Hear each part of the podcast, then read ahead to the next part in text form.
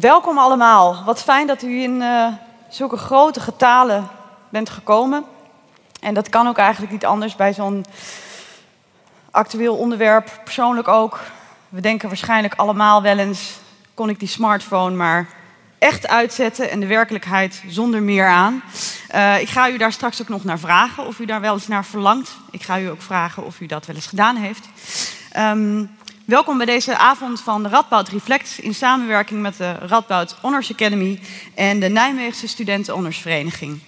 Um, wij hebben Hans Schnitzler uitgenodigd. Hij is techniekfilosoof, um, columnist voor het online magazine Follow the Money, schrijver van uh, inmiddels al twee boeken. Het digitale proletariaat, dat in 2005 verscheen. En onlangs, en dat is de aanleiding voor deze avond, een kleine filosofie van de digitale onthouding. Um, dus daar gaan wij het vanavond over hebben, over de worstelingen van de, van de smartphone-mens. Zo hebben we dat gedoopt. En dat gaan we dus doen met Hans Schnitzler. Um, maar niet alleen met hem, wij hebben ook twee studenten uitgenodigd om, net zoals de studenten uh, van Hans Schnitzler dat deden, um, een digitale detox ondergaan. Uh, Hans Schnitzler heeft een boekje geschreven over de ervaringen van zijn studenten. En vanavond zijn er dus ook twee studenten van uh, de Radboud Universiteit die over hun ervaringen gaan vertellen. En daarna ga ik in gesprek met, uh, met Hans Schnitzler over, over de overeenkomsten. Uh, wat is nou het opmerkelijke aan al die ervaringen? Wat gebeurt er als je een week lang niet alleen trouwens je smartphone opzij legt, maar alles wat op een digitale betrekking heeft? Dus ook je tablet en ook je laptop. Wat gebeurt er dan? Wat gebeurt er dan? Ik heb het zelf ook gepoogd trouwens. Was geen daverend succes. Uh, uh, want zoals dat gaat met detox-achtige dingen, als je dan cold turkey iets probeert, dan wil je ook wel eens terugvallen in oud gedrag. Misschien gaan we het daar nog over hebben. Um, tot zover dit introducerende gedeelte. Ik vraag nu graag uh, een hartelijk applaus voor Hans Schnitzler.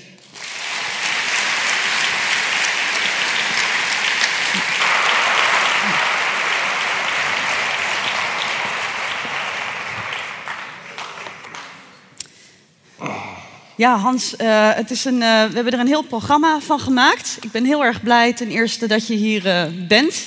Dank je, leuk om hier te zijn. Ja, het mag dan een klein boekje zijn, dat is een kleine filosofie van de digitale onthouding, maar het is rijk, er staat een hoop in. het geeft ook een hoop stof tot nadenken en, en ik hoop dat we vanavond nou ja, door alle fijnmazige nuances van dat boek heen gaan lopen. Leuk, mooi. Ja. ja, graag. Um, maar voordat ik begin met jou, wil ik eigenlijk beginnen uh, met de zaal. En ik wil jullie namelijk, het zaallicht mag meteen even aan, want het gaat tenslotte over jullie ook allemaal. Um, ik, heb een, uh, ik heb een vraag, even kijken, waar is mijn. Uh, die vraag die komt dus even in beeld. De vraag is namelijk: wanneer werd de smartphone geïntroduceerd? Um, dit is een meerkeuzevraag. A. 1999. B. 2003. Niet overleg. Geen overleg. Geen overleg. Dus ik wil stilte in de zaal. Mag de stilte terug? Of C. 2007. Opperste stilte. Trouwens, ik wil er even bij vertellen. We waren eigenlijk van plan om uh, jullie te bevragen met behulp van een, van een digitaal programma, Mentimeter. Om technische redenen was het ook wat ingewikkeld. Uh, misschien is dat maar goed ook, want nu hebben wij onze data dus niet weggegeven op een bepaalde manier aan dat bedrijf. Enfin, er zijn dus drie mogelijkheden, A, B en C. Uh, willen de mensen die denken dat het 1999 is graag opstaan? Dus geen handen, graag even opstaan. Ik wil het even zien. 99? Ja? Eenmaal, andermaal. Eenmaal, andermaal. Zijn er, zijn er wel een paar? Ja, gaat u maar weer zitten, bedankt. Het valt mij op, best wel veel jonge mensen. Uh, B, 2003. Wie denkt dat dat 2003 was? Dat is een flinke groep. Een flinke groep, bedankt. Gaat u maar weer zitten. Uh, dan tot slot. C, 2007. Oh. Oh. oh. ja. Eh, nou, Hans, vertel het maar. Hebben ze bij het rechte eind? Heeft de meerderheid hier de waarheid gesproken? Ja, de meerderheid is hier heel goed geïnformeerd. Dat is alweer vast een hele geruststelling voor vanavond. Ja, ja. Het is inderdaad 2007. Ja, ja.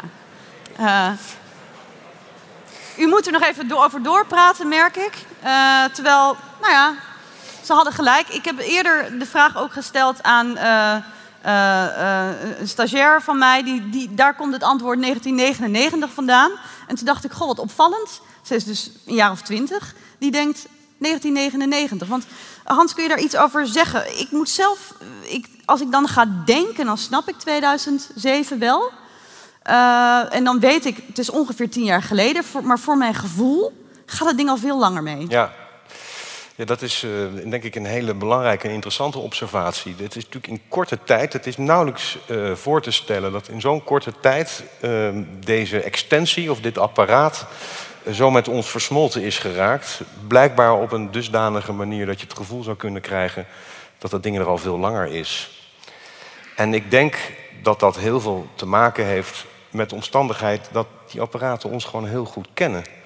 Het Ratenau Instituut. Dat is... Maar hoe bedoel je, die apparaten kennen ons? Nou, in de zin van dat ze heel erg zijn afgestemd en steeds beter op onze intiem persoonlijke behoeften. Dus ze kennen bijvoorbeeld, uh, ze weten je, zoek, je zoekopdrachten, je kennen je voorkeuren, ze anticiperen daar ook steeds beter op. Ze wijzen je ook uh, eventueel de weg, ook met bepaalde voorkeuren van plekken waar je zou willen zijn. Maar belangrijker is, het Ratenau Instituut, dat is een instituut dat zich bezighoudt met onder andere digitalisering en maatschappelijke effecten daarvan, heeft het wel ook wel over een intiem technologische revolutie. En ja.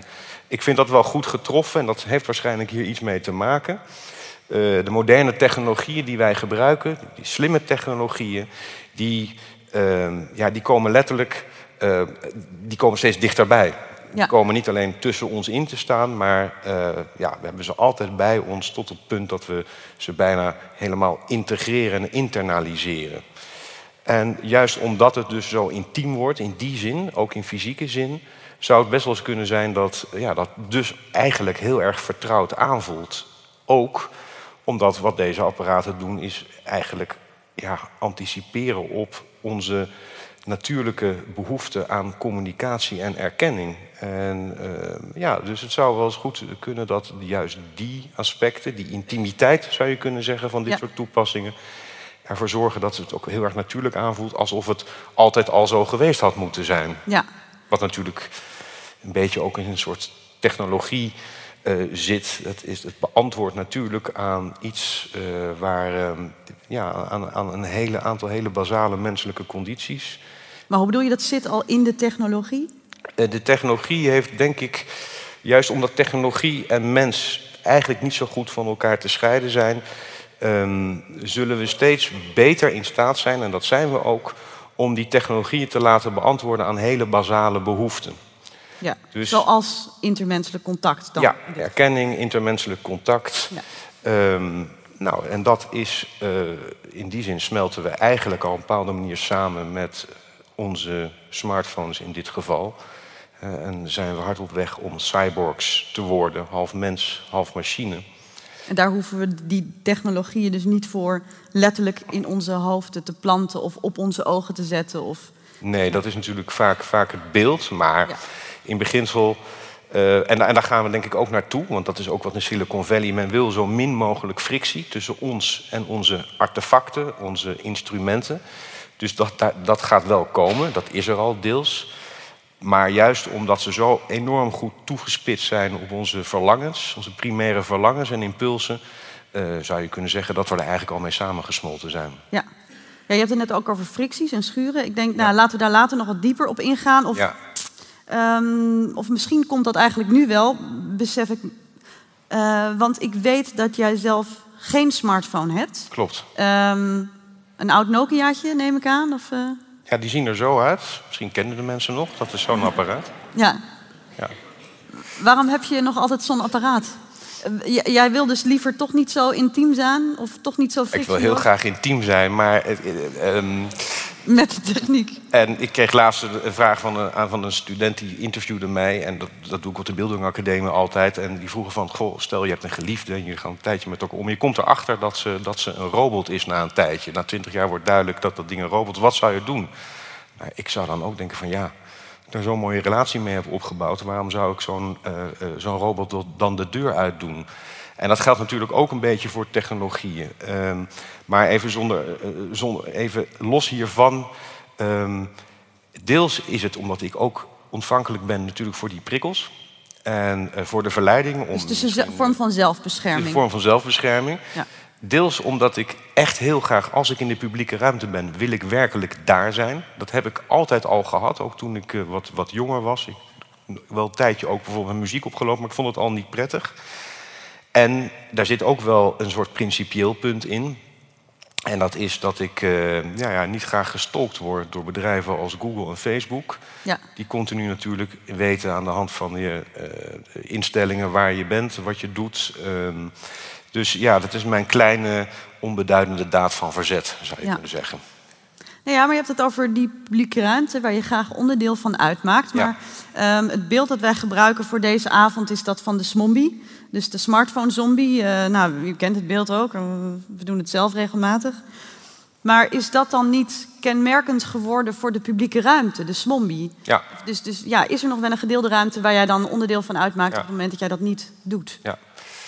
Ja, dat is een, voor mij een belangrijk aspect, een, een, een belangrijke, wellicht ook keerzijde van de digitalisering, is dat het onderscheid tussen publiek en privé, uh, dat is een onderscheid wat eigenlijk met de burgercultuur is opgekomen.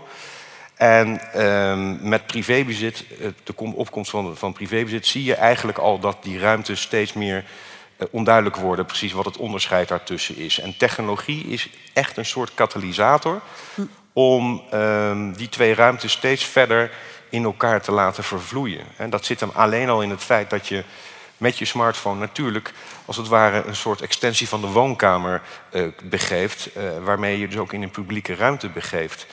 En waarbij het op een gegeven moment de vraag wordt van ja, hoe, wat is de gemeenschappelijkheid nog van die ruimte? Ja. Dat zit natuurlijk ook in de bekende filterbubbels, dat je continu de gedachte uh, dat je continu, doordat je je teruggespiegeld krijgt, je eigen voorkeuren. Um, dat je op een gegeven moment steeds lastiger uit, uit die bubbel komt. Die bubbels worden eigenlijk groter, want die zijn er natuurlijk altijd wel geweest. Maar die worden steeds groter. Vroeger was de bubbel de zuil misschien? Was bijvoorbeeld je, de zuil. Waar je in zat, ja. ja. En nu uh, zijn de data en algoritmen die zorgen dat die bubbels eigenlijk wat omvangrijker worden. En het probleem daarvan voor mij is, en ik ben daarin toch wel erg geïnspireerd door Hannah Arendt, dat wat is nou specifiek voor onze publieke ruimte, wat maakt die publieke ruimte publiek? Dat is de pluraliteit ervan, de meerstemmigheid. En ja, het aardige is, of het aardige, je ziet dat ook aan de verhalen van mijn studenten, dat zodra ze die smartphone. Maar net heel even nog uh, om de verduidelijking, want dat heb ik in de introductie vergeten te zeggen. Jij bent docent aan de Bildung Academie. Ja, klopt. Uh, en jouw studenten, nou ja, dus de, de studenten die jij daar onder je hebt, ja. uh, als onderdeel van een curriculum, heb jij ze dus gevraagd, inmiddels 120 geloof ik? Ja, zoiets. Zoiets, ja. om zich een week lang digitaal te onthouden. Ja. ja voilà. En het interessante is, wat je, van die, wat je, wat je meekrijgt, is dat ze plotseling oog krijgen voor de ruimte om hun heen. Eén uh, student, mooie anekdote, die vertelt dat ze plotseling gesprekken opving in de tram, in de metro, in de bus. Gesprekken die ze nog nooit eerder had gehoord. En dat ze, ze hoorde dan een gesprek tussen een moeder en een dochter. En dat was, vond zij, een, ja, dat was voor haar een onbekende manier om je te verhouden tot je kind. Dat ging op een vrij ruwe manier blijkbaar. En voor het eerst besefte zij van, jeetje, ja, dit, dit is ook andersheid. Dit, dit soort perspectieven heb ik me nooit, nooit gerealiseerd dat die er echt bestaan.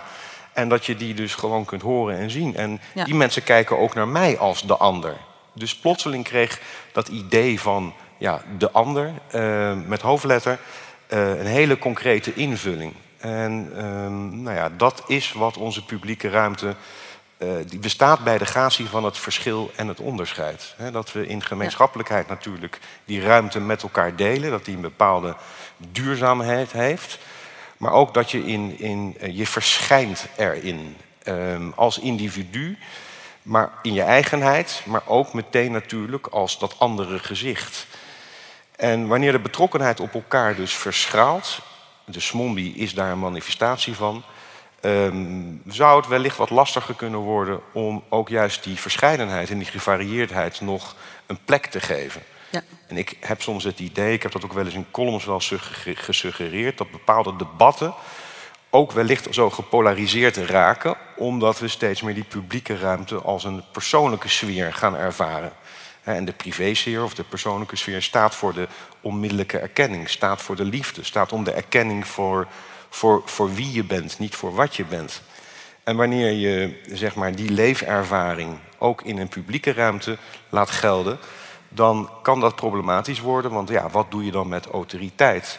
In hoeverre kun je je nog openstellen voor dat andere geluid? Ja, en misschien ook wel dat er dan sprake is van een soort persoonlijke krenking op het moment dat jij wordt. Uh, krenking in je ego, op het moment dat jij wordt aangevallen op je opvattingen. Ja. Slachtofferritis noem ik dat wel eens. Uh, uh, dat zie je toch wel snel om je heen. Maar ook de hele claimcultuur. zou je als een soort manifestatie kunnen zien van ja, wat ik dan ook in mijn eerste boek de verpersoonlijking van die publieke ruimte noem. Ja, ja. Um, ik heb jou gevraagd om een tweetal, of ja, om iets te vragen of er nog filmpjes zijn waarmee we het gesprek kunnen voeren. Uh, ik heb je trouwens ook gevraagd om uh, deze avond af te sluiten met een lezing in plaats van andersom. Dus misschien dat u net ook even in verwarring was, dat u dacht, we beginnen toch met een lezing, dat doen we deze keer aan het einde. Um, daar hebben we redenen voor. Nou ja, ik laat het graag aan jou om die straks toe te lichten. Um, maar laten we eerst naar het eerste filmpje gaan dat jij vanavond wilde laten zien. Ja. Het, is een, uh, het is een klassieker. Oh. Hallo? Met Sandrine. Ja, hallo? Hallo? Hallo? Heeft u een mobiele telefoon? Nee, nee, nee. Waarom niet? Nou, dat heb ik niet nodig, want uh, ik word toch niet uh, gebeld of zo. Heeft u een uh, mobiele telefoon? Nee hoor, dat heb ik niet. Waarom heeft u er geen? Nou, ik zie er net niet van in. U ziet er het nut niet van Absoluut niet. Ja. Vindt u het belangrijk om altijd bereikbaar te zijn? Ook niet. ik ben niet zo belangrijk. ben je op aan het fietsen, dan word je gebeld. ik heb gewoon een telefoon, waarvoor moet ik een mobiel hebben? Dat is handig. Ja, dat klopt, dat is handig. Maar als ik ergens strand, dan is er ook altijd ergens wel een telefooncel of een boerderij met een boer met een telefoon. Ik heb al een antwoordapparaat, dus thuis ben ik altijd al bereikbaar. Of dien dan terug te bellen als er is gebeld, maar ook nog eens uh, onderweg. Als ik in de trein zit of in de auto gebeld worden of zelf kunnen bellen, vind ik niet nodig. Vind ik zonde van mijn geld. Vind het zonde van je geld? Ja, en het is meestal niet nodig. Ik zit meestal... Uh, meestal heb ik wel een telefoon binnen handbereik. Vind ik niet nodig. Niet nodig? Nee. Het lijkt me helemaal niet leuk om elk, altijd bereikbaar te zijn. Ik ben student en uh, ik heb een antwoordapparaat en dat is prima. ik zie het niet zo zitten, zo'n mobiele telefoon. We hebben het jaren zo gedaan en ik vind het wel goed zo. Ik heb een buzzertje voor hoog, uh, hoognodige problemen, denk ik. Maar ik hoef niet continu zo'n piepding uh, op een terrasje te hebben en zo.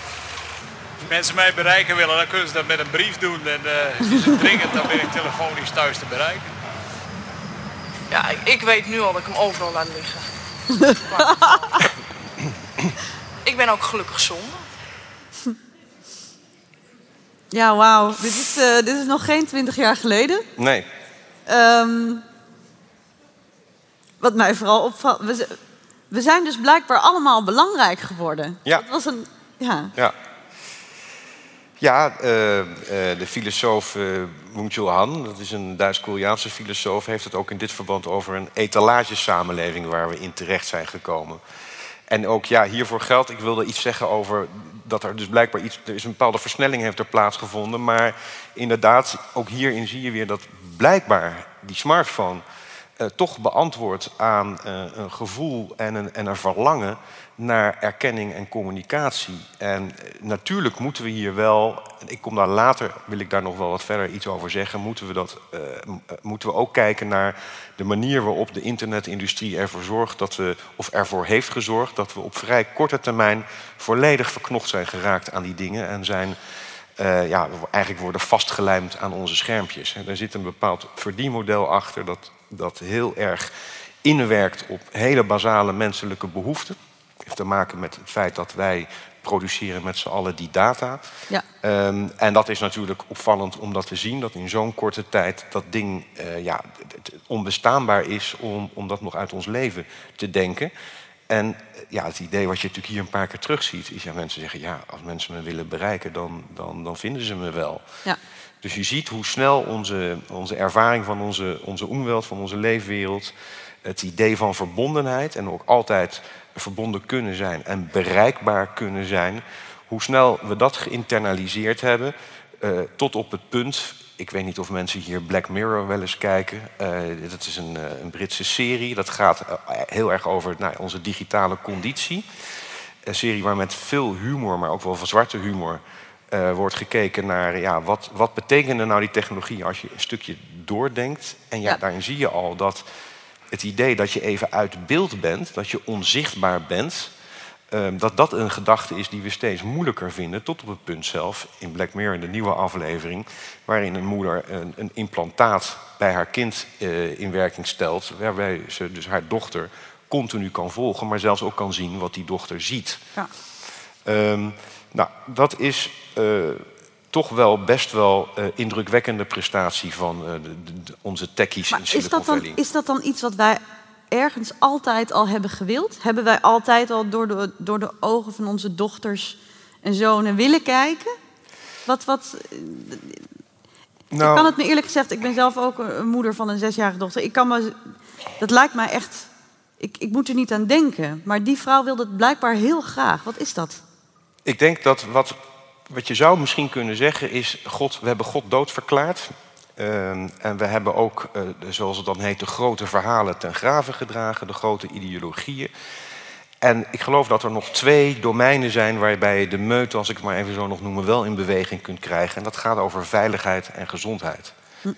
En ja, je zou kunnen zeggen, die moeder die wil vanuit veiligheidsoverweging, want die dochter is op jonge leeftijd was een keer plotseling verdwenen. En die moeder uit een speeltuin, ze was er uit het oog verloren. En dat was echt een traumatische ervaring. En dat heeft natuurlijk te maken met dat veiligheidsaspect van zolang ik het maar kan zien, ehm, kan ik er ook controle op uitoefenen. Ja. En eh, ja, ik denk dat Maar dat van... is natuurlijk niet zo. Nee, dat zie je ook in deze serie natuurlijk volledig ontsporen. Ik zal geen spoilers hier weggeven. Ja. Uh, maar uiteindelijk is dat niet zo. Maar de suggestie daarvan die stelt ons natuurlijk heel erg gerust. Net zo, graag, net zo goed als we graag camera's in de publieke ruimte ophangen. Omdat die suggereren dat zolang men gezien wordt... er, er geen rare dingen zullen gebeuren. En dat heeft volgens mij te maken met dat... dat zijn misschien de laatste grote verhalen die we, die we omarmen. En, en die gaan over gezondheid en veiligheid. Dat we op allerlei manieren bezig zijn onszelf, ons lichaam te monitoren. Maar Ja. ook de ander, denk aan de terrorist. Eh, dat we denken van als we maar genoeg data in kaart kunnen brengen. Als we sleepnetten in, in, in, in stelling zetten om maar zoveel mogelijk data te kunnen vegen. Dan halen we eh, die potentiële dreiging halen we eruit. Ja. Eh, maar is dat dan iets wat we mm, in ieder, al, altijd al, of in ieder geval heel lang al wilden? Of is dat iets wat juist met het voortschrijden van bepaalde technologische ontwikkelingen, wat dan opeens heel erg op de voor- voorgrond komt te staan? Wat dan opeens Nou- vanwege de haalbaarheid misschien opeens belangrijk, of nou ja, de Ik- ik- ogenschijnlijke haalbaarheid. Ik vind het een belangrijke vraag. Ik denk dat het beantwoordt aan een diep gewortelde menselijke behoefte... of een, een, menselijke argwaan ten aanzien van, het, eh, van ons handelen. Hè? Ons eigen handelen. Ons eigen handelen. Ehm, hè, ons handelen is namelijk inherent, of de effecten daarvan zijn niet alleen onomkeerbaar. Gedane zaken nemen geen keer, zeggen we ook wel. De effecten ervan zijn ook volledig onvoorspelbaar. Hannah Arendt weer heeft ooit gesteld, dat vond een mooie zin, van één enkele handeling kan letterlijk een hele sequentie aan gebeurtenissen in gang zetten die tot, aan, het, tot aan het einde der tijden voortduurt. Nou, dat is natuurlijk een fascinerend idee, maar het is ook een huiveringwekkende gedachte. Want het betekent eigenlijk dat degene die handelt nooit weet wat hij doet.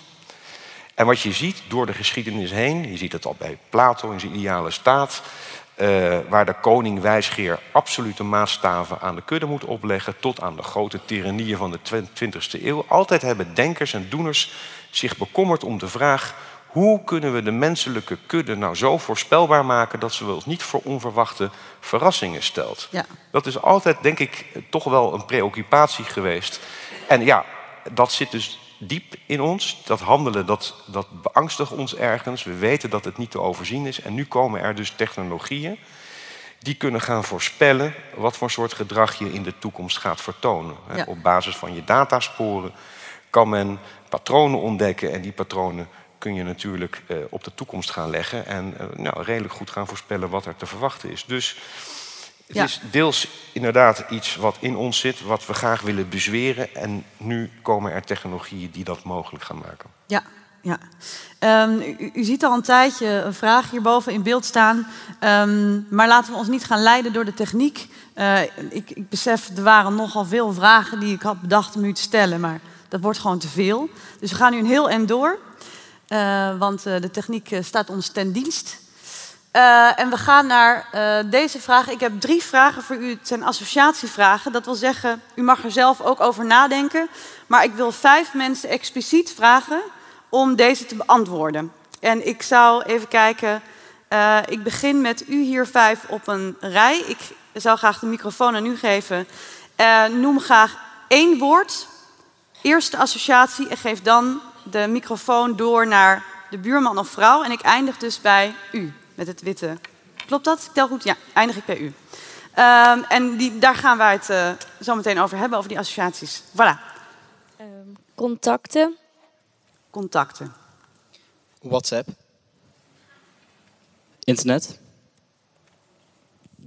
Ik heb hem niet. Maar dat is niet één woord. WhatsApp. Oké. Hans.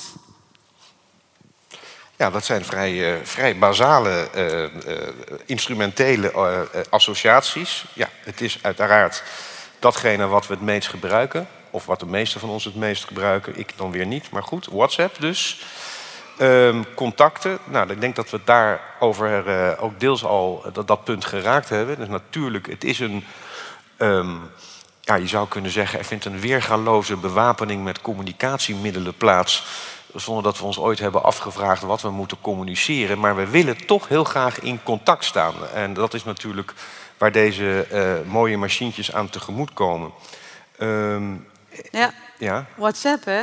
Nou ja, ik denk dat we het beter, het beste door kunnen naar de volgende. ja. Namelijk, ehm, dat is, eh, wat is je eerste associatie bij WhatsApp? dus er gaat een soort lijn door. Ehm, ik hou, ja, eerste rij is voor mij, of nou, ach, ik doe de tweede rij. Dus ehm, graag je eerste associatie bij het woord WhatsApp. 1, 2, 3, 4, 5. Het, Ehm, bereikbaar. Vrienden. Gesprekken. Praten. Eh, ik had ook bereikbaar. Oké. Ja, bereikbaar. Praten.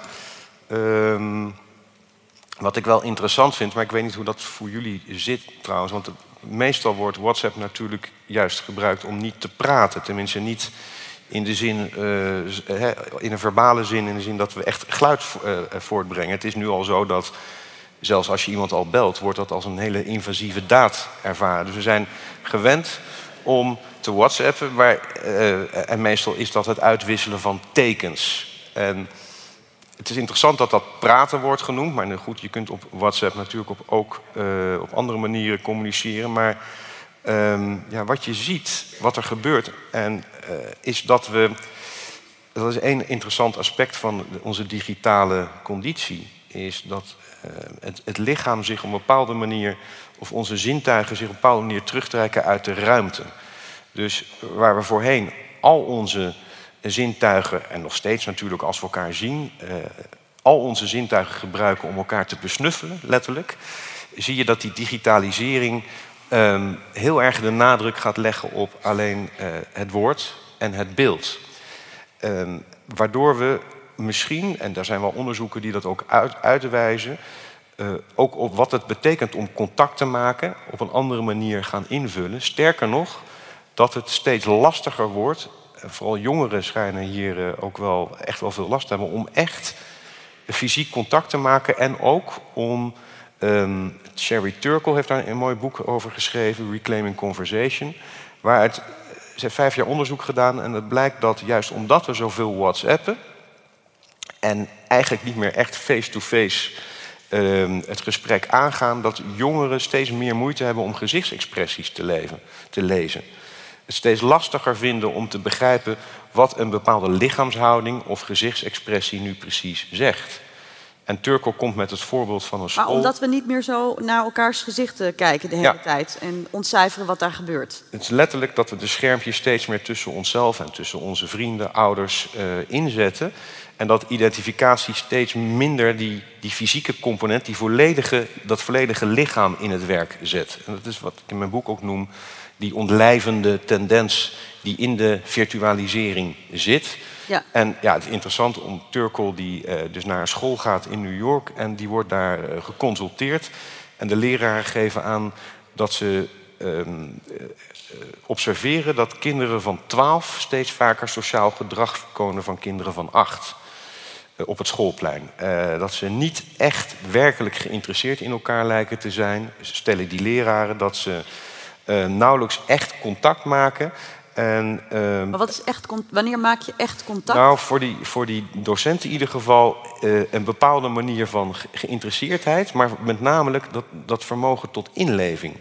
Dus in staat kunnen zijn om je het perspectief van de ander aan te kunnen meten en van daaruit eh, een situatie te kunnen beoordelen. En ja, voor Turkel verbindt dat heel duidelijk aan die, aan die smartphone, waarin dat empathisch vermogen en de eerste onderzoeken, want we hebben net gezien hoe kort we pas met deze middelen bezig zijn, Ja. die laten ook zien dat dat empathisch vermogen minder zou worden.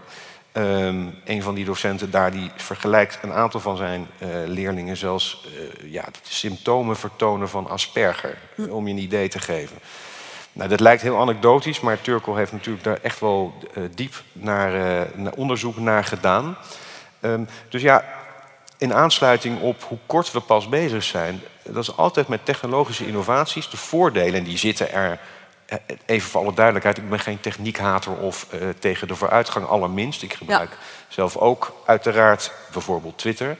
Maar wat je ziet is dat de, eh, die innovaties, de, de neveneffecten daarvan, de wat meer, wat meer problematische effecten, die manifesteren zich pas na een tijdje. Ja. Eh, de industriële revolutie werd natuurlijk ook gezien als een, als een bron van vooruitgang. Ronkende schorstenen van witte rook. Die- dat, dat werd echt gezien als iets dat de mens verder zou brengen. Heeft het ook help, gedaan. Help smog, denken we. Ja, en nu denken we helft smog. Dus je ziet ehm, dat dit soort, ehm, gezien ook het feit dat het inderdaad pas zo eh, kort bestaat, beginnen we nu hier en daar te zien wat, eh, wat er gebeurt. En het is Ja. interessant met WhatsApp, ja, wat dat betekent voor ons als lichamelijke wezens en hoeverre we nog de wijsheid van ons lichaam ten volle kunnen benutten, benutten en inzetten in de wijze waarop we ons verhouden naar elkaar. Ja, ja. Ehm, we gaan zo kijken naar een filmpje van een ehm komiek die heel veel... De kinderen zijn al genoemd, opvoeden is denk ik... Nou ja, een, een komiek die in ieder geval mij heel veel geleerd heeft over, over opvoeding, over mezelf en ook over kinderen. Eh, inmiddels is hij niet meer van onbesproken gedrag. Eh, ik heb zelfs getwijfeld of we het moesten laten zien vanavond. Ik ga ervan uit dat u de man en zijn... ehm, ehm, interne problematiek waardoor die vrouwen lastig viel met bepaalde delen van zijn lichaam van elkaar kunt scheiden. Ehm, My daughter was uh, was having a dance thing at her school. They had this big dance. Anyway, we all went, all the parents, and everybody's there, and everybody's got their phone. Every single parent. It was an amazing thing to watch because kids are dancing, and every parent is standing there like this. Every single person was blocking their vision of their actual child with their phone. And the kids, I went over by the stage, and the kids, there's people holding iPads in front of their faces. It, it looked like we're all in the witness protection program. Like the kids can't see their parents. And everybody's watching a shitty movie of something that's happening 10 feet. Like, look at your fucking kid. The, the resolution on the kid is unbelievable. If you just look, it's totally HD. Why are you taping this? You're never gonna watch it. In a million years, you're not gonna watch videos of your kids doing shit you missed the first time it happened. You don't watch it, you just put it on Facebook. Here, you watch it. I wanna take a nap now. And then you get to read all the comments. Oh my God! It's so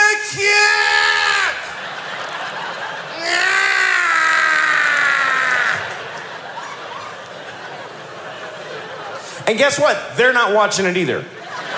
They're not watching the video. These kids are dancing for no one.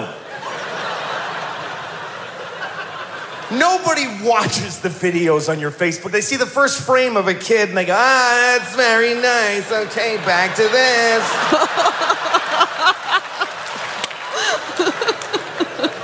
Nobody's watching your kids' videos on Facebook, I promise you. I'll prove it to you. Next time you tape your kids dance, take one second of it and then add 20 minutes of just your own asshole. Just go in the bathroom and just record your own anus opening and closing for 20 minutes. Tack it on to your kid dancing for a second put that on Facebook. Everybody will write the same thing. That's adorable. I think I see a future star.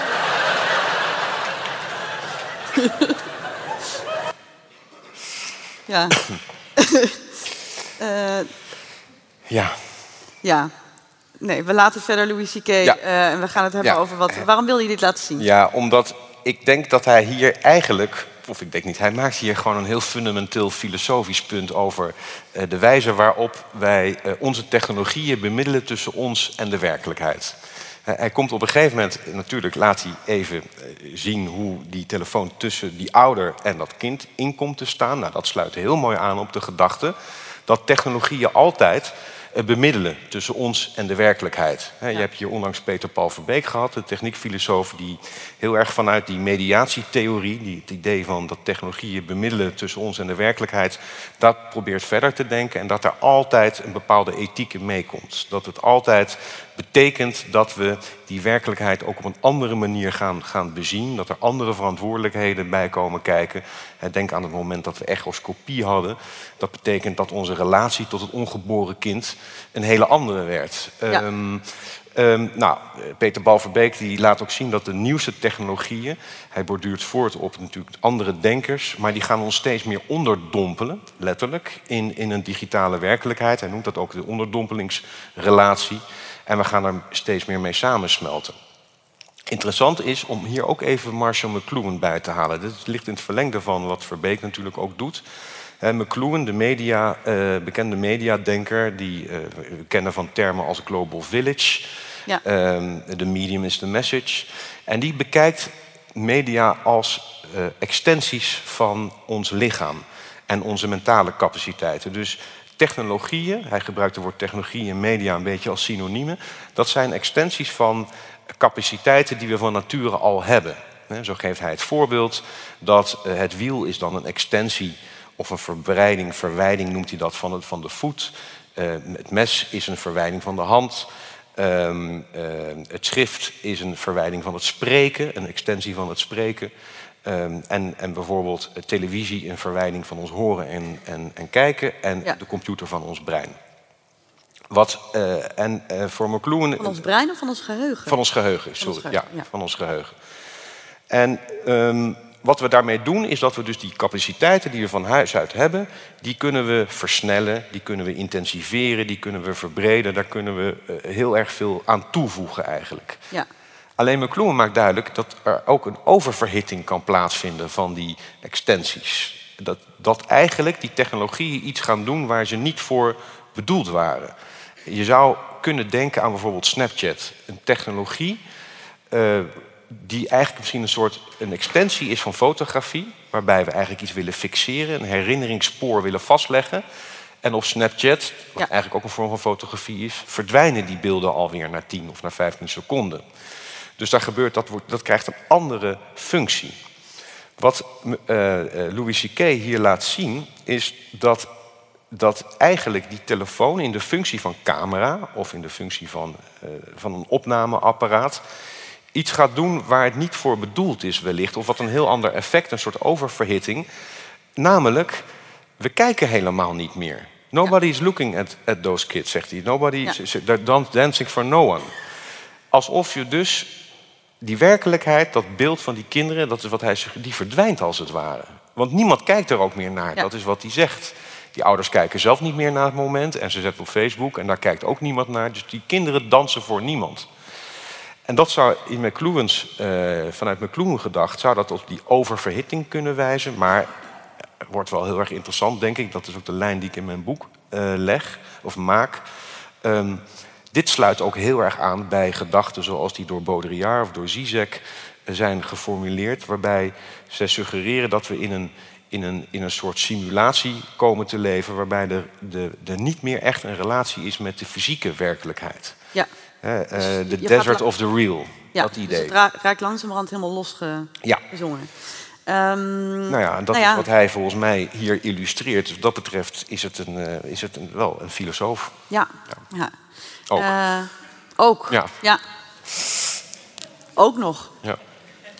Eh, nou, zo komen we dan bij, de, bij, de, bij het nut of de noodzak van de digitale onthouding of de digitale detox. Laten we het later nog even hebben over of je van detox of van onthouding zou moeten spreken. Want Mhm. het ene ontgift het andere niet. Ehm, maar ik wil eerst nog weer even terug naar, naar u, naar de zaal. Daarna komen ook de studenten aan het woord over hun ervaringen. Maar ik ben eerst even benieuwd, dus als er weer licht aan mag. ehm, wie van u, en gaat u graag staan, heeft wel eens een digitale detox gedaan? Vanaf een dag mag. Dus minstens een dag en misschien wel langer. Een dag, oké. Oh, dat is best wel veel. Oké. Eh, dan mogen alle mensen die het eh, niet een week of langer hebben gedaan, gaan zitten.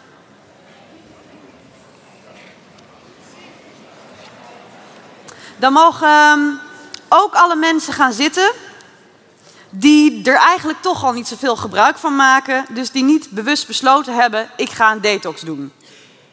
Nou, dan blijven nog een paar over. Dan ben ik nu toch benieuwd. Dus een aantal mensen hebben een detox gedaan. Ehm, en we doen het even zonder microfoon. Maar ook hier wil ik weer graag even vijf associatiewoorden hebben. Dus spreekt u vooral luid. Eh, kunt u een woord noemen? Over, over een associatie bij de digitale detox. Wat, dus een associatie bij wat, er, wat, wat die ervaring u, waar u aan denkt. Moeilijk. Oké, moeilijk. Eén. Eenzaam. Eh, ik ga naar u. Rustig. Eenzaam, rustig. Dat is mooi, hè?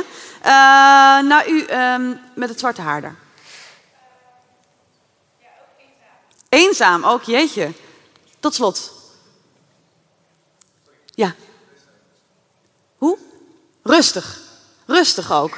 Oké, nou dank u wel. Jullie mogen weer gaan zitten. Oké, dus we hebben twee eenzaam, twee rustig. Ja. En, en welke vergeet ik nou? Ehm, wat was de eerste? Dat was de eerste. Moeilijk, moeilijk. Moeilijk. Ja. Oké. Ja. Eh, misschien moeten we deze even, deze laten we even bezinken. Ik ben benieuwd namelijk ook, eh, nou ja, de twee studenten die we hebben uitgenodigd, eh, hoe dat hun vergaan is, hoe het zat met de eenzaamheid en, en de rustigheid misschien wel. Ehm, ik geef zo ten eerste graag het woord aan een student scheikunde.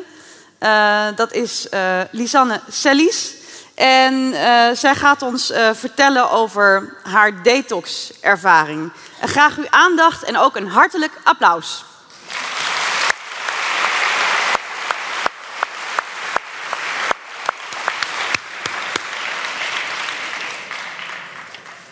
Hallo allemaal. In december heb ik niet één digitale detoxweek gedaan, maar zelfs twee. En het idee was eigenlijk dat ik een keer een weekje helemaal offline zou gaan. Maar dit vond plaats in de kerstvakantie. En ik was ook wel erg benieuwd hoe het zou zijn om dit in een normale week te ervaren. Vandaar mijn twee ervaringen.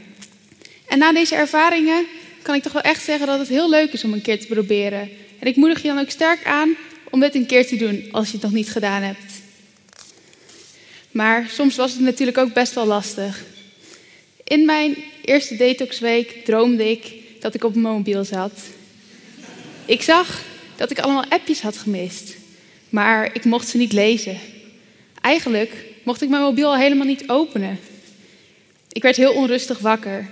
Had ik nou iets gedaan wat niet mocht? Gelukkig, mijn mobiel was nergens te bekennen. Maar toch was ik wel erg benieuwd van wie ik nou al die appjes had gemist.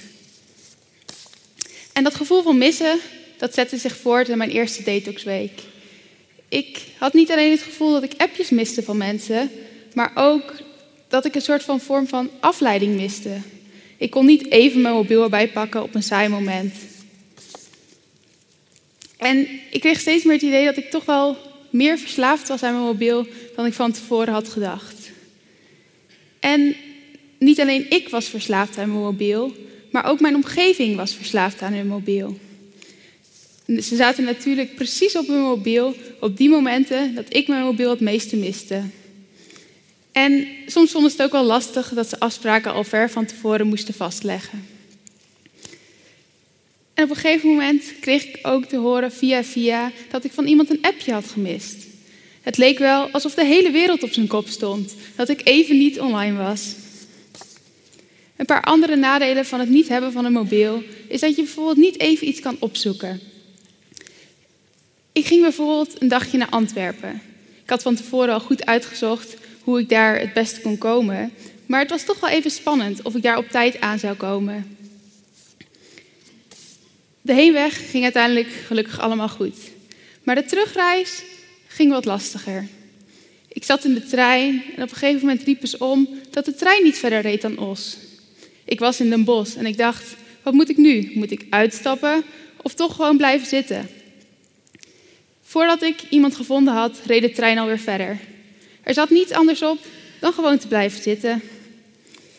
Als ik een mobiel had gehad, had ik natuurlijk even snel opgezocht wat het slimste was om te doen. Maar aan de andere kant was de kans ook groot geweest dat ik alleen maar gefrustreerd was geraakt aan het feit dat mijn mobiel niet snel genoeg meewerkte. En zo ontdekte ik dat het soms ook wel eens fijn was om geen mobiel te hebben. Drie andere situaties waarin het erg fijn was om eens geen mobiel te hebben, was bijvoorbeeld als je gewoon in een hoorcollege zit. Je probeert dan natuurlijk zo goed mogelijk op te letten, maar met je mobiel raak je toch snel afgeleid. Je bent eigenlijk altijd met van alles en nog wat tegelijkertijd bezig. En ook in mijn dagje Antwerpen merkte ik dat mijn aandacht veel meer gevestigd was op dat moment en op die dag. Normaal, als je in het buitenland bent, dan maak je bijvoorbeeld overal foto's van. Zoals je in dat filmpje ook al zag, is het natuurlijk veel leuker om gewoon dingen zelf te observeren en gewoon goed te kijken hoe het er nou het echt uitziet. En als laatste voorbeeld ging ik ergens heen waar ik nog nooit eerder was geweest. Ik kwam daar aan in de straat en ik dacht, waar moet ik nou eigenlijk zijn? Ik dacht, volgens mij was het nummer 1, maar normaal zou ik dit toch even snel checken. Dat kon nu niet, dus ik belde gewoon aan. En het bleek inderdaad gewoon het juiste huisnummer te zijn. Dus het gaf me toch wel weer een beetje meer zelfvertrouwen. Zo eindigde ik mijn twee digitale detoxweken. En kwam ik toevallig in mijn detoxweek op een theezakje, het labeltje daarvan, de vraag tegen: kun jij je mobiel een dagje uitzetten? Nou, dit was mij ondertussen natuurlijk gelukt. Maar lukt het jou ook? Je kunt natuurlijk denken: ik luister vanavond wel gewoon alle verhalen hier, maar dit is toch echt iets wat je zelf moet uitproberen.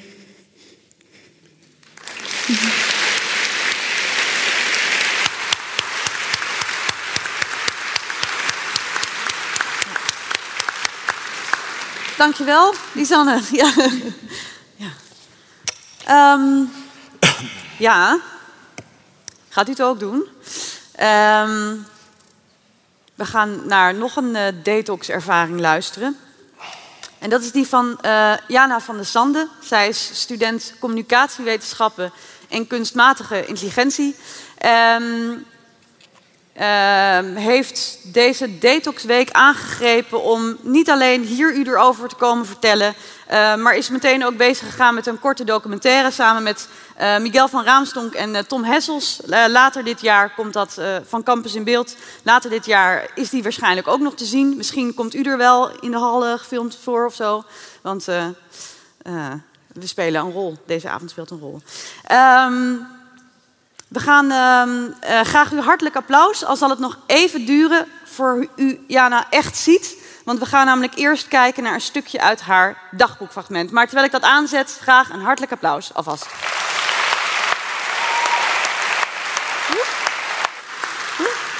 Ja, ja, ja. Oké, okay, um, Komt het is half twee s'nachts. En ik heb um, iets heel erg stoms gedaan net. Ik schrok wakker omdat ik dacht dat ik ontslagen was via de mail. En ik heb mijn laptop geopend. En ik heb mijn mail gecheckt. Omdat ik dus gedroomd had dat ik duizend mailtjes niet had beantwoord. En het goede nieuws is dat ik niet ontslagen ben. Het slechte nieuws is dat ik heb vals gespeeld eh, op dag 2. En dat had ik niet verwacht dat het zo ontzettend erg zou zijn. Vannacht ging het ehm, even mis. Maar vandaag is een nieuwe dag. Uh, dag 3 van de detox, dus nog vier dagen te gaan. En ik ben benieuwd wat deze dag voor me te brengen heeft. Ik hoef eigenlijk alleen maar te studeren. Dus we gaan zien hoe dat loopt. En we gaan zien wat we vandaag voor dingen tegen gaan komen. Het is nu dag 4 van de detox. En um, het gaat eigenlijk best wel goed. Alleen ik mis Netflix. Ik mis Netflix ontzettend. Ik heb echt, echt, ik mis Netflix. Uh, dus ik ben vandaag naar de bibliotheek geweest. En heb ik dvd's gehaald. Zes. Een hele stapel. En tijdens het afscannen van die dingen, dat doe je dus tegenwoordig zelf, stond er een meneer naast me die toch best wel bedenkelijk keek naar mijn stapel. En vervolgens tegen me zei dat het wel old school was, wat ik aan het doen was. En dan moest ik eigenlijk wel om lachen, want toen ik thuis kwam bleek dus hoe old school het was. We hebben een dvd-speler, maar we hebben geen afstandsbediening. Dit is mijn radio. En ik ben echt nu al vijf dagen bezig met het zoeken van Radio 2. Omdat ik eigenlijk altijd het op de duizend luister. En dit is me gewoon nog steeds niet gelukt.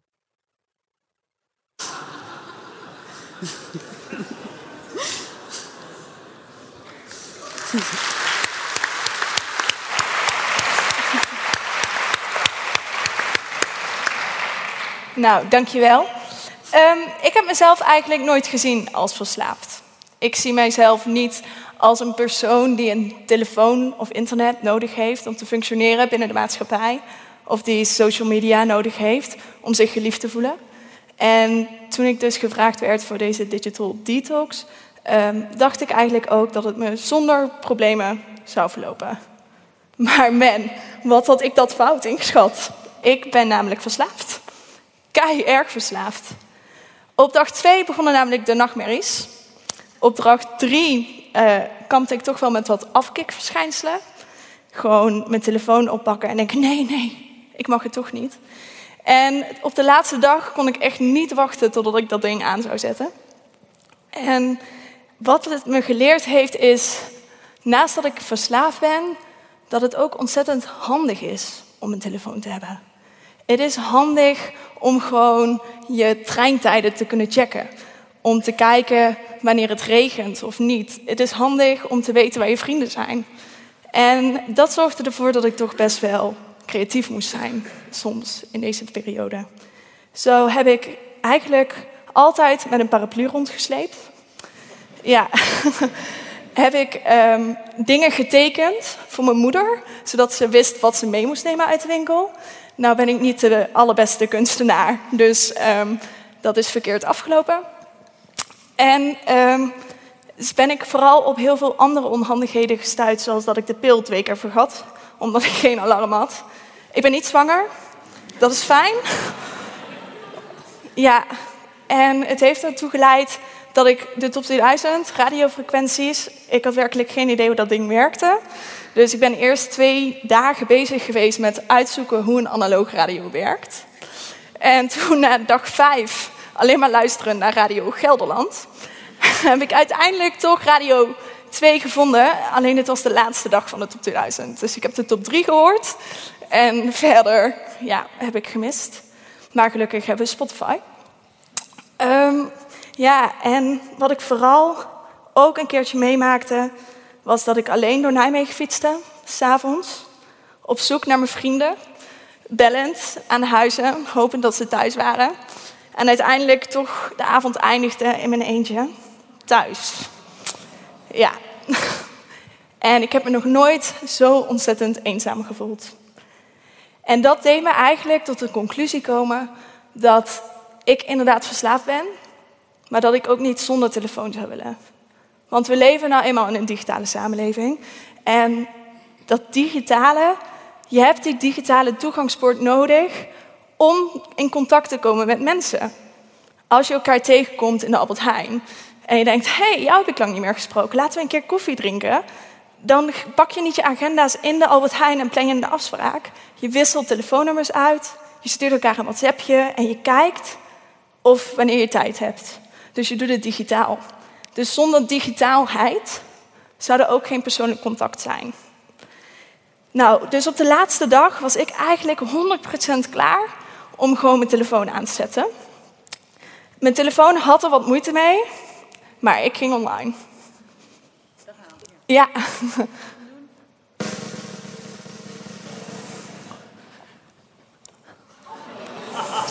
Ja.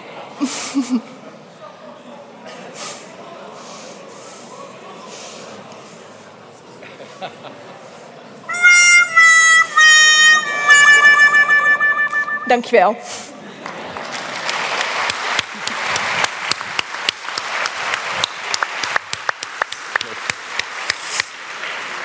Ja, Mooi. Ja. Mooie verhalen. mooie verhalen. Ja, Ja. Wat, wat valt je het meest op aan, eh, aan de verhalen van Jana en van Lisanne? In combinatie denk ik ook met het rustig en eenzaam en moeilijk van, eh, vanuit het publiek. Ja. Ehm, nou, wat ik bij Lisanne wel interessant vond, is het punt van vertrouwen. Want dat is ook wel iets wat eh, hè, zij stelde dat ze dus, omdat ze dingen zelf kon uitzoeken, dat dat ook een bepaalde manier van eh, eh, ja, haar vertrouwen gaf. En dat is ook wel iets wat ik bij mijn studenten terugkrijg, is eerst kun je de vraag stellen, wat is vertrouwen? Vertrouwen impliceert of vooronderstelt dat we ons altijd binnen een bereik begeven tussen weten en, en niet weten in. Je kunt alleen maar op iets of iemand vertrouwen, omdat je misschien nog niet alles van die persoon of die instelling afweet en je toch in staat bent om daar op een of andere manier een relatie mee aan te gaan. Zelfs als je het niet allemaal niet weet. En het interessante is dat we natuurlijk in een, in een wereld leven waarin het steeds makkelijker wordt om direct te weten waar je aan toe bent. Dat is natuurlijk het ideaal van transparantie. Je kunt direct weten waar je bent, je kunt je contacten direct vinden, je kunt je ideale partner op, op Tinder vinden. Ehm, en ga zo maar door.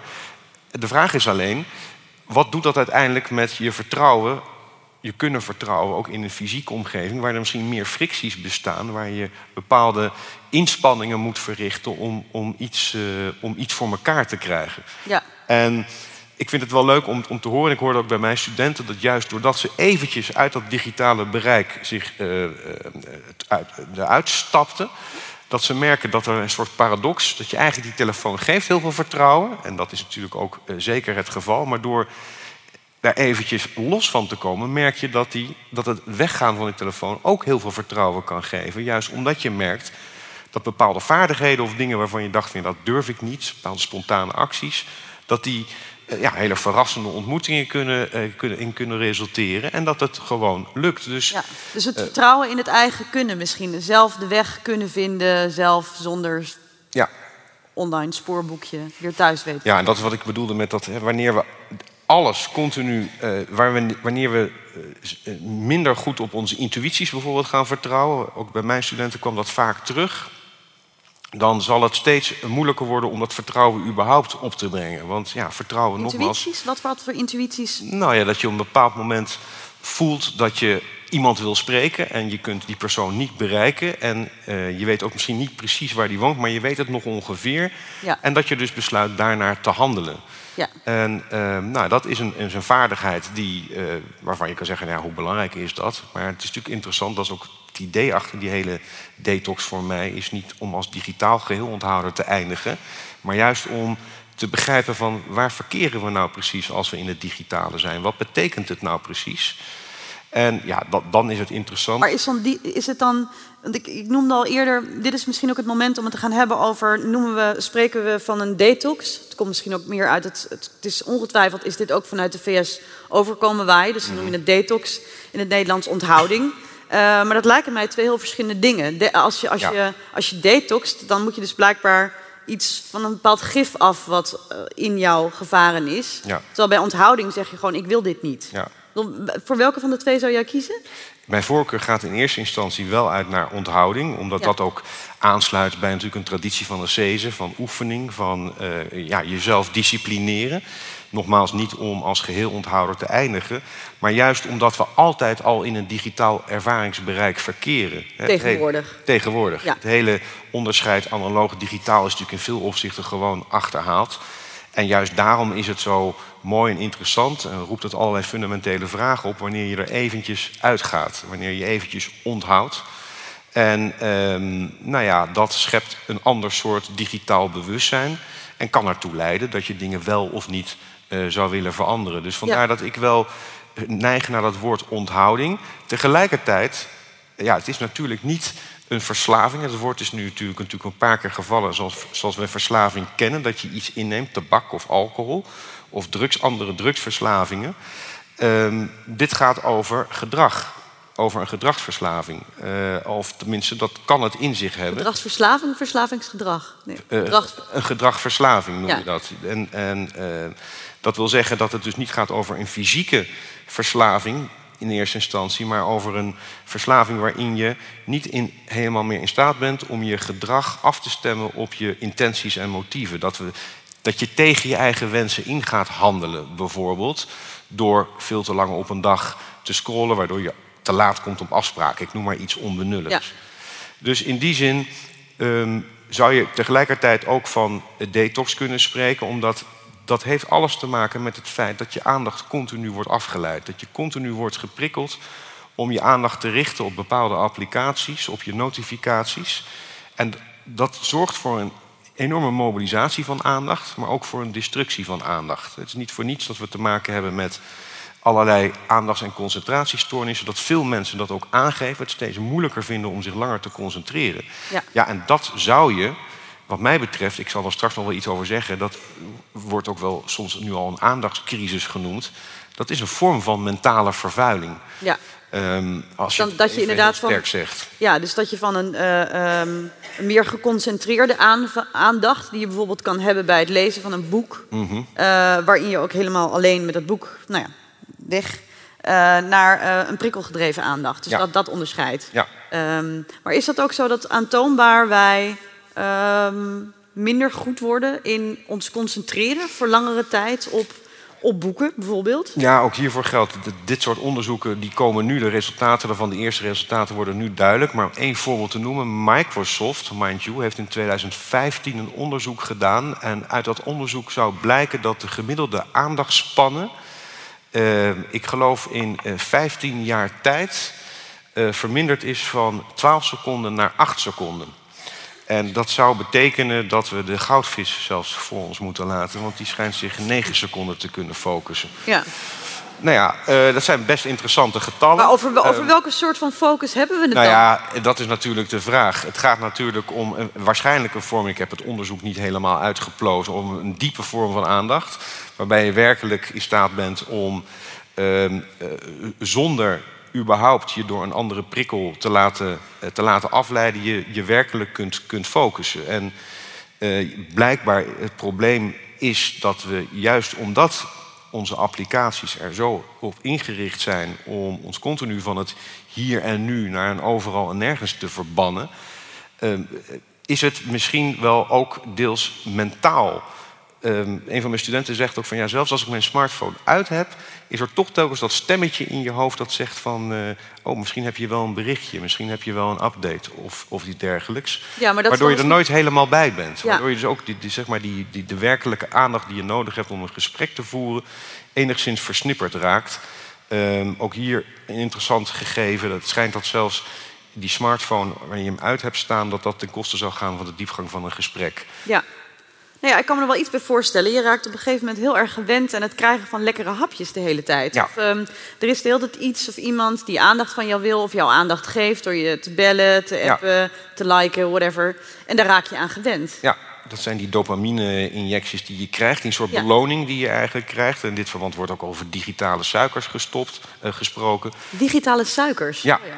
Oh Dus ja, daar worden bepaalde... eh, eh, je zou zo kunnen zeggen... Worden wij ook digitaal obese dan ervan? Van al die... eh, Nou ja, infobesitas is inderdaad een woord dat bestaat. Oké. Oh. Ehm, eh, dus eh, wellicht Ehm, ja, goed, obese in de zin zou je denk ik wel kunnen stellen, is dat we wel moeite hebben om. We krijgen onze to-do-lijstjes eigenlijk nooit af.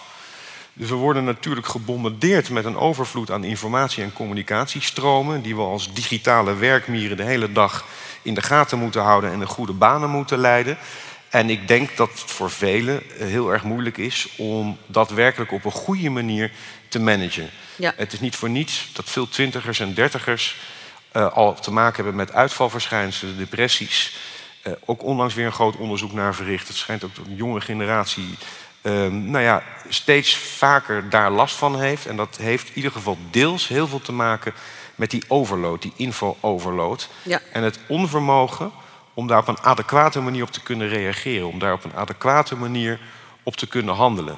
Handelen is als het ware dat je bepaalde prikkels krijgt van buiten en dat je die in je handelen kunt ontlasten. Dat je daar ook handelend op kunt gaan reageren. Maar is dat vanwege dat eerder genoemde, die intuïties of dat vertrouwen? Dat we een bepaald vertrouwen in onszelf kwijtraken en daardoor komt er op een gegeven moment heel erg veel informatie op ons af, heel veel prikkels, maar zijn we de vaardigheid om die in alle rust te verwerken en daarna te handelen kwijtgeraakt, zoiets? Nou, die deels, maar het is vooral echt het, het, zeg maar het bombardement. Uh, uh, het, is een hoeveelheid informatie die zeg maar, onze techno-evolutionaire inborst niet kan bijhouden. We evolueren ook met onze technologieën, maar dit gaat zo snel en de hoeveelheid informatie die, die neemt zo enorme proporties aan, dat we, denk ik, de meeste van ons of veel van ons veel moeite hebben om die op een betekenisvolle wijze in ons handelen eh, te laten afvloeien. Waardoor er dus situaties van stress kunnen gaan ontstaan. Ja. En dus ook uitvalverschijnselen. Ja. Um, tot slot voor ik jou vraag om nou ja, een soort slot, levensslotwoord uh, te nemen. Um, want we hebben het nu met name denk ik ook over hè, de, de, noodzaak van digitale onthouding. Is goed, brengt dingen aan het licht. Uh, informatieoverload. Maar uh, zowel uit de zaal als in ieder geval ook uit de column van uh, Jana bleek, er kwam die, die eenzaamheid ja. uh, naar voren. Dus zou je niet ook kunnen stellen dat in deze digitale tijden, dus in ieder geval, ik weet al, dit zal mij niet gebeuren, maar ik ben ook alweer een andere generatie, jou waarschijnlijk ook niet, maar dat als je opgegroeid bent met dat apparaat, dat je dan ook daadwerkelijk daar niet zozeer verslaafd als wel mee verknoopt bent geraakt. Of afhankelijk misschien wel ook op een I don't know, het is een extensie van je geworden. Dus ja. Het, ja. ja. Nee, ik denk dat dat zeker het geval is. En, en, en um, um, ik, ik weet niet, wat, wat is precies je vraag? In nou ja, of uh, kijk, als het leidt tot als uh, uit zo'n digitale onthouding blijkt dat je, dat je echt eenzamer wordt, ja. dan is misschien de les die je eruit moet leren, ja. dat je je dus niet moet onthouden. Nee, dat je misschien klopt. je notificaties uit moet zetten, omdat ze je afleiden. Maar Nee, dat, dat is ook iets wat voor mij echt van belang is. Het gaat voor mij over een zekere mate van uh, bewustwording. Uh, een bepaalde manier van een digitaal bewustzijn. En als inderdaad je zoiets zou doen, zo'n experiment aangaat... en je komt tot de conclusie, ik word hier diep ongelukkig van... ik functioneer niet meer, uh, ik wil dit ook helemaal niet... Nou, dan zou ik zeggen, duik er dan ook vol in... maar dan doe je het in ieder geval op een weldoordachte en, en welbewuste wijze. Ja.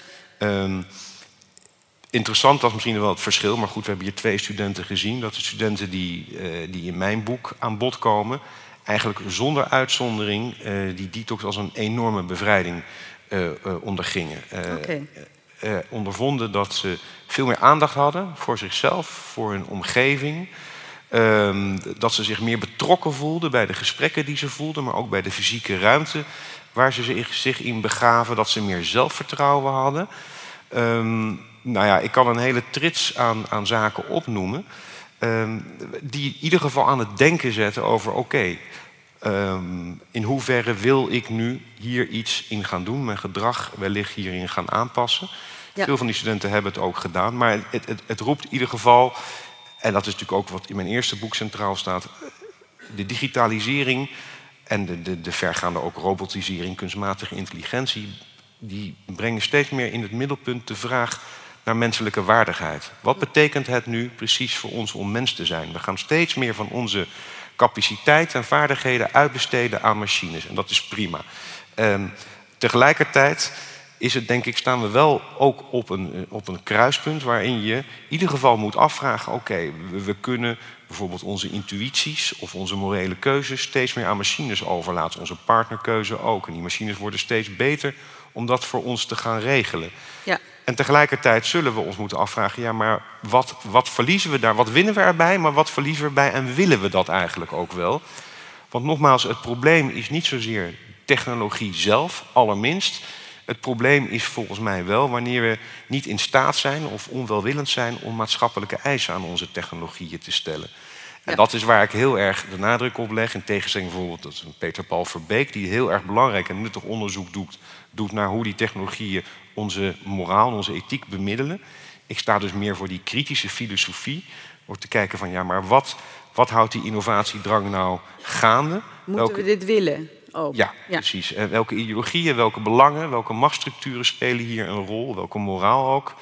En nou, daar dienen we denk ik gewoon heel erg kritisch naar te kijken. Nou, dat is een beetje de inzet. En daar is de, de detox is een mooi beginpunt om jezelf dat soort vragen ook te kunnen gaan stellen. Ja, ja. Zo zo'n beetje. Ja, eh, zo, de, de tijd vliegt, hè? Eh, het wordt, eh, je, je hebt een, een, een lied uitgekozen om ons te laten horen. Of een lied, dat klinkt een beetje... Een liedje, ja, ik weet Een nummer van Stromae, Carmen.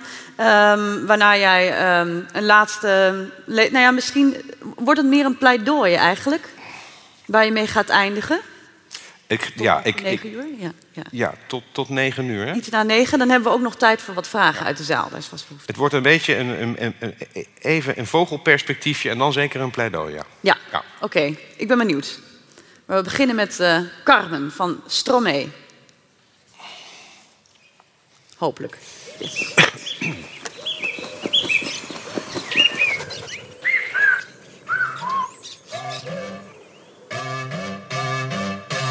L'amour est comme l'oiseau de Twitter. On est bleu de lui seulement pour 48 heures. D'abord on s'affilie, ensuite on se follow. On en devient fêlé et on finit solo. Regarde à toi. Et à tous ceux qui vous like, les sourires en plastique sont souvent des coups d'hashtag. Regarde à toi. Ah les amis, les potes ou les followers, vous faites erreur, vous avez juste la cote. Regarde à toi.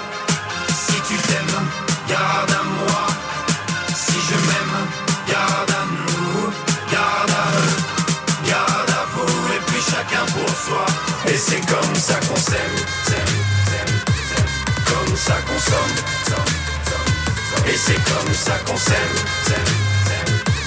comme ça qu'on somme. Et c'est comme ça qu'on s'aime, s'aime, s'aime. Comme ça qu'on somme, somme, somme, somme. Et c'est comme ça qu'on s'aime, s'aime, s'aime, s'aime. Comme ça qu'on somme, somme, somme, somme, somme, somme. L'amour est enfant de la consommation. Il voudra toujours, toujours, toujours plus de choix. Voulez, voulez-vous des sentiments tombés du camion? L'offre et la demande pour unique et seule loi.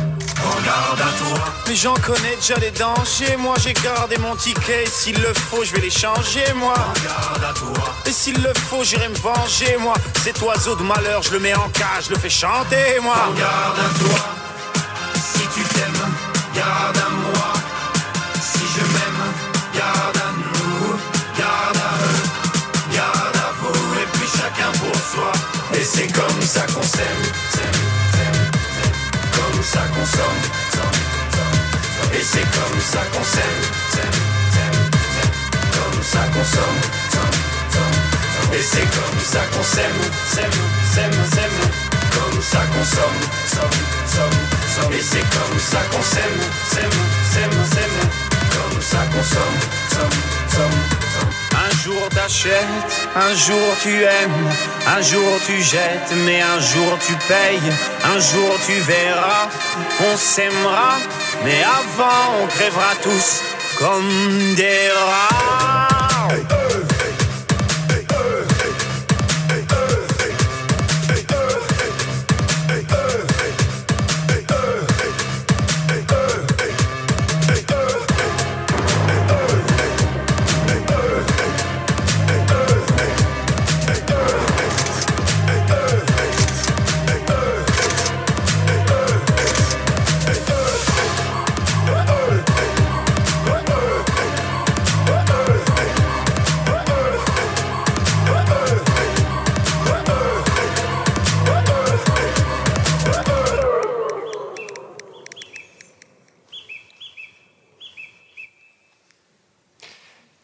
Ja, de onvolprezen Stromae, die, de, Belgische singer-songwriter... die hier op een hele kernachtige manier iets uh, duidelijk maakt... wat, uh, ja, mocht u mijn eerste boek nog willen lezen, laat gerust zitten. Dit is eigenlijk de, de, de kernboodschap. Namelijk, we worden steeds meer onderdeel van een machine. Een machine die ons ergens ook onze handelingsbekwaamheid op het spel zet... maar tegelijkertijd ons dreigt batterijen te maken. En dat heeft niet zozeer nogmaals met die technologieën te maken...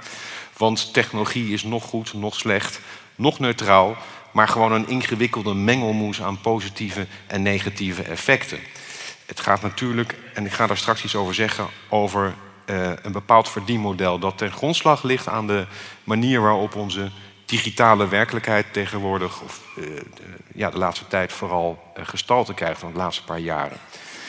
Maar voordat ik daarop inga, heel kort eventjes een, een, een metaperspectief. En je kunt, als je hebt over wetenschappelijke vooruitgang en nieuwe inzichten, dan kun je de werkelijkheid ook op een manier kijken, of de geschiedenis op een manier bekijken als een hele serie, uh, de geschiedenis als een serie narcistische krenkingen zien. We denken telkens dat wij in het centrum staan en komen er continu achter dat dat niet het geval is. Eerst hadden we Copernicus, die natuurlijk duidelijk maakte dat de aarde niet het middelpunt van het universum is. dat de aarde om de zon draait en niet andersom. En dat zou je kunnen beschouwen als de kosmische krenking. Nou, dat was nog niet misschien zo'n ramp, het was misschien wel een schok, maar er was natuurlijk een goddelijk plan. We waren voorbestemd uh, als een zegel op de beschaving, op de evolutie, nou niet de evolutie, op, de, uh, uh, op überhaupt wat het betekende om je tegenover de natuur te stellen. God had een plan met ons. Maar toen kwam een Darwin langs en die plaatste ons resoluut terug in de natuur en stelde dat we eigenlijk niet veel meer zijn dan een gril van diezelfde natuur. Dat zou je de biologische krenking kunnen noemen. Maar goed, gelukkig hadden we nog onze ratio, onze logos, het woord, redelijke wezens. Natuurlijk een erfenis, onder andere van de verlichting. Maar we hadden geen rekening gehouden met die Weense psychiater die op een gegeven moment aan de deur klopte en ons ego een enorme oplawaai verkocht. Door te stellen dat niks logos, we worden niks reden of redelijke wezens, we worden vooral door onzichtbare driften voortbewogen. Maar weer lieten we ons niet uit het centrum verbannen zomaar. Want natuurlijk, we hebben technologie. En wij gebruiken die technologie, wij mensen, wij stellen doelen. En we zetten die technologie in, die middelen om die doelen te bereiken. En de technologie gaat natuurlijk voor ons heel veel oplossen. Dat zal, zal ze ook zeker gaan doen. En tegelijkertijd kun je afvragen of dat beeld van dat inzetten van die instrumenten die luisteren naar de doelen die wij stellen, of dat wel klopt. Of er niet een risico is dat we hier alsnog in een vierde krenking terechtkomen, namelijk een technologische krenking.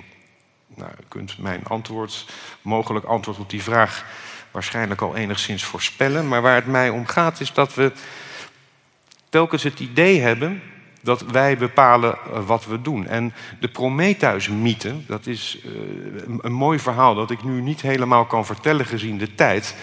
Maar die maakt ons in ieder geval duidelijk dat de mens een naakt wezen is. Dat we eigenlijk gemankeerde wezens zijn. Dat we invalide ter wereld komen. Dat we geen natuurlijke kwaliteiten bezitten.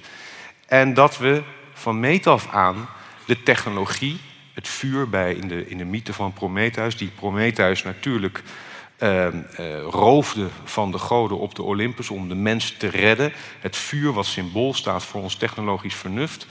Dat hebben we van meet af aan nodig gehad om überhaupt te kunnen overleven. En dat betekent nogal wat. Want wanneer je naar zo naar technologie kijkt, wil dat zeggen dat wij eigenlijk want dat vuur kwam natuurlijk van de Olympus, van de goden vandaan, een godengoedje in handen hebben gekregen. En u weet wat er gebeurt als mensen godenvaardigheden uh, en godenkrachten krijgen, dan ligt het gevaar van hoogmoed altijd op de loer. Het is niet toevallig dat in Silicon Valley men ook echt bezig is om ja, ons op de plek van de goden te stellen en ons onsterfelijk te maken.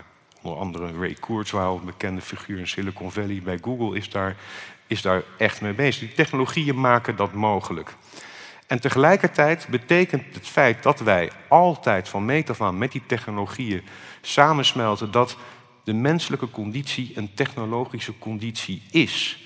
Wij zijn technologisch geconditioneerde wezens. Het hele onderscheid tussen hier mens en daar dat instrument is een onderscheid dat eigenlijk niet meer houdbaar is, wat mij betreft. Maar met die constatering komen er een aantal dingen mee. Die hoogmoed, onverwachte neveneffecten van onze technologieën, maar ook dat technologieën altijd al, juist omdat ze van mensen zijn, dat er eigenlijk mensen in onze machines zitten. Al die prachtige applicaties die we hebben, daar zitten mensen achter. Mensen met bepaalde wereldbeelden, met bepaalde denkbeelden, met een bepaald mensbeeld, met ideeën over het goede leven. En die sijpelen in onze technologieën door, die waarden. Vandaar ook de gedachte, technologie is niet neutraal. Hou dat even vast en kijk dan, ik maak een hele grote sprong, maar ik doe het toch, naar waar onze meeste producten, die, geavanceerde producten die we nu gebruiken, die slimme technologieën, waar die vandaan komen. Silicon Valley. En dan is het wel interessant om te gaan kijken, ja, maar welke waarden, welke, welke ethos, welke ethiek uh, is daar heersend? Vaak impliciet, hoe komt dat dan mee in onze technologieën? Nou, denk aan gebruikersgemak. We hebben het even over gehad. De idee dat hoe gemakkelijker we het bestaan maken, hoe frictielozer, hoe gelukkiger we ervan worden. Tinder, de oprichter van Tinder, heeft ooit verklaard in een interview dat eigenlijk Tinder veel beter is dan de echte wereld. Want daar kun je mensen zomaar tegen het lijf lopen. Die kunnen je zomaar aanspreken. En je kunt ook zomaar afgewezen worden. En dat moet je niet willen. Dus dat idee van frictieloosheid, van gebruikersgemak, zit in veel van onze moderne technologieën. Efficiëntie natuurlijk ook, snelheid. En uiteraard optimalisering. En bij al dat soort waarden kunnen we ons gaan afvragen hoe komen die terug in onze technologieën? Wat voor waarden zijn dat? En hoe, in hoeverre dragen die bij aan de realisatie van het goede leven? En daarbij komt ook nog eens dat we natuurlijk maken hebben met een industrie. Dus het gaat om multinationals, het gaat om grote bedrijven die uiteraard naar winst streven, die aandeelhouders hebben. Daar is op zichzelf, zou je kunnen zeggen, niets mis mee. Maar dit soort technologieën hebben natuurlijk wel tegelijkertijd een grote invloed op ons alledaagse bestaan. En ook hiervoor geldt dat het interessant is om te kijken wat betekent nou dat verdienmodel van Silicon Valley. Het feit dat zij onze data nodig hebben, onze persoonlijke gegevens. Nou, dat betekent eigenlijk dat we zo langzamerhand in een vorm van een surveillance-kapitalisme zijn gekomen. Een term die gemunt is door Shoshana Zuboff, verbonden aan Harvard Universiteit. En zij laat heel mooi zien hoe bijvoorbeeld Google, Google, wat zij het moederschip noemt van deze nieuwe economie, in eerste instantie heel erg gericht was op ons, onze data, niet om die te verkopen aan derde partijen, maar om zeg maar, het gebruik van Google te verbeteren voor ons. Dat leverde uiteraard geen geld op. En uiteindelijk ontstond er zoiets als een data-industrie, waar data werden verkocht aan derde partijen die daar van alles en nog wat moois mee kunnen doen, zoals ons allerlei reclameboodschappen op ons afvuren. Dus je ziet, het kapitalisme maakt een ontwikkeling door van winst te genereren door middel van concrete producten en diensten. Het gaat dan naar speculatie en nu gaat het steeds meer naar die nieuwe olie van onze industrie, naar data. En naar het voorspellen van ons gedrag. En daar komt natuurlijk uiteindelijk, naarmate men daar ook beter toe in staat zal zijn, onze handelingsbekwaamheid in het spel.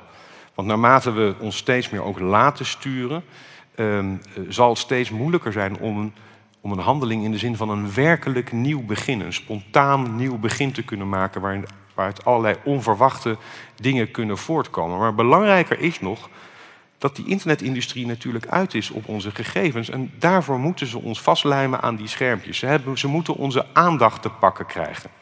Niet voor niets wordt er ook in dit verband ook wel gesproken van een aandachtseconomie. En zoals ik al net heb aangegeven, die gigantische mobilisering van onze aandacht, die aanval op onze aandacht, zorgt tegelijkertijd voor een destructie van onze aandacht, een aandachtscrisis. En aandacht is een bijzonder kwetsbare menselijke hulpbron. Een hulpbron die ook uitgeput kan raken. Je zou kunnen zeggen, waar zuivere lucht ons laat ademen, laat zuivere aandacht ons denken en voelen. Aandacht staat voor liefde, toewijding en betrokkenheid. Tot connectie met de ander, met de wereld om je heen en met jezelf. Dus wanneer Zuckerberg beweert dat hij de wereld meer in connectie wil brengen, ik geloof hem wel, maar ik denk dat zijn technologieën juist het tegenovergestelde bewerkstelligen, namelijk disconnectie. En hier komt, ik weet niet hoe het met de tijd zit, op het randje. Um, deze aanval op onze aandacht um, is voor mij ook een belangrijk aanknopingspunt om te pleiten voor een periode van digitale onthouding. Nogmaals, niet om als digitaal geheel onthouder te eindigen, maar wel om te ervaren wat het betekent, wat het doet met je, met je aandacht. En wat dit aangaat, staat de, de digitale onthouding voor mij voor een ethische oefening. Het is eigenlijk een vraag uh, die, waarbij de vraag naar het goede leven centraal staat. Wat betekent het nou om een waarachtig en mooi leven te leiden? Wat houdt dat voor mij precies in? En in die zin zou je kunnen zeggen dat de onthouding heel erg past in de traditie van levenskunst. Een traditie die natuurlijk helemaal teruggaat tot de Griekse oudheid, waarbij je door toewijding en bezinning een karakteristieke houding probeert te ontwikkelen. Een houding die bij jou past. Een mens uit één stuk te worden, zo gezegd.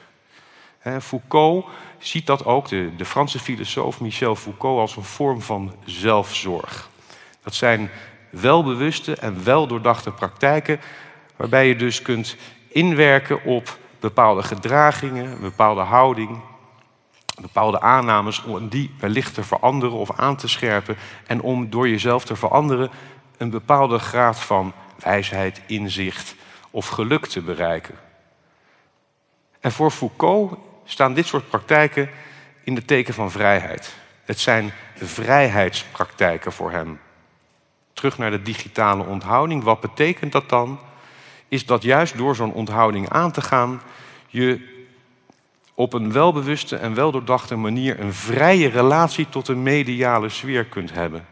Dus het is niet vrijheid van, maar vrijheid tot.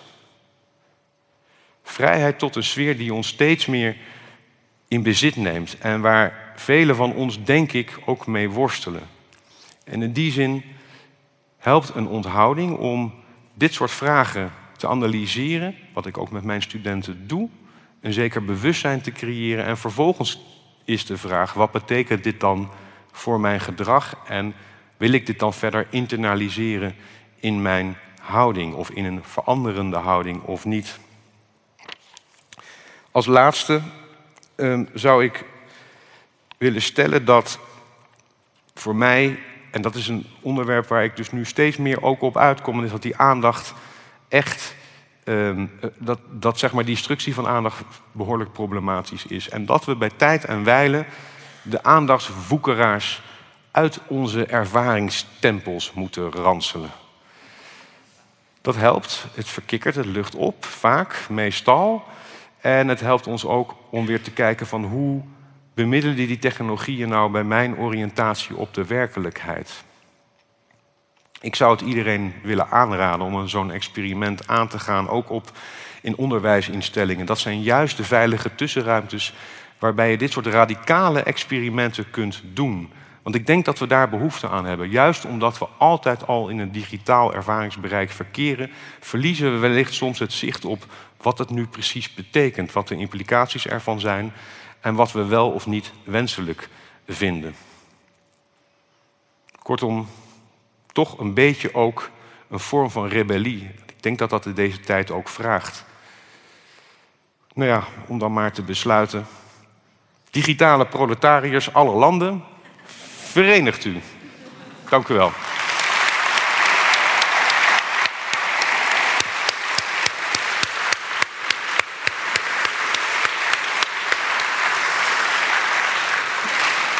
En ik heb u nog één ding te zeggen. Uh, namelijk, mocht u het boek van uh, een van de boeken van Hans Schnitzler willen consumeren, kopen, dan kan dat. Uh, dat is daar in de hal. Hij zal er ook zijn om die boeken te signeren. Dus nogmaals, U bedankt en bedankt Hans Nietser en de studenten. Jana van der Sande, Lisanne Salies.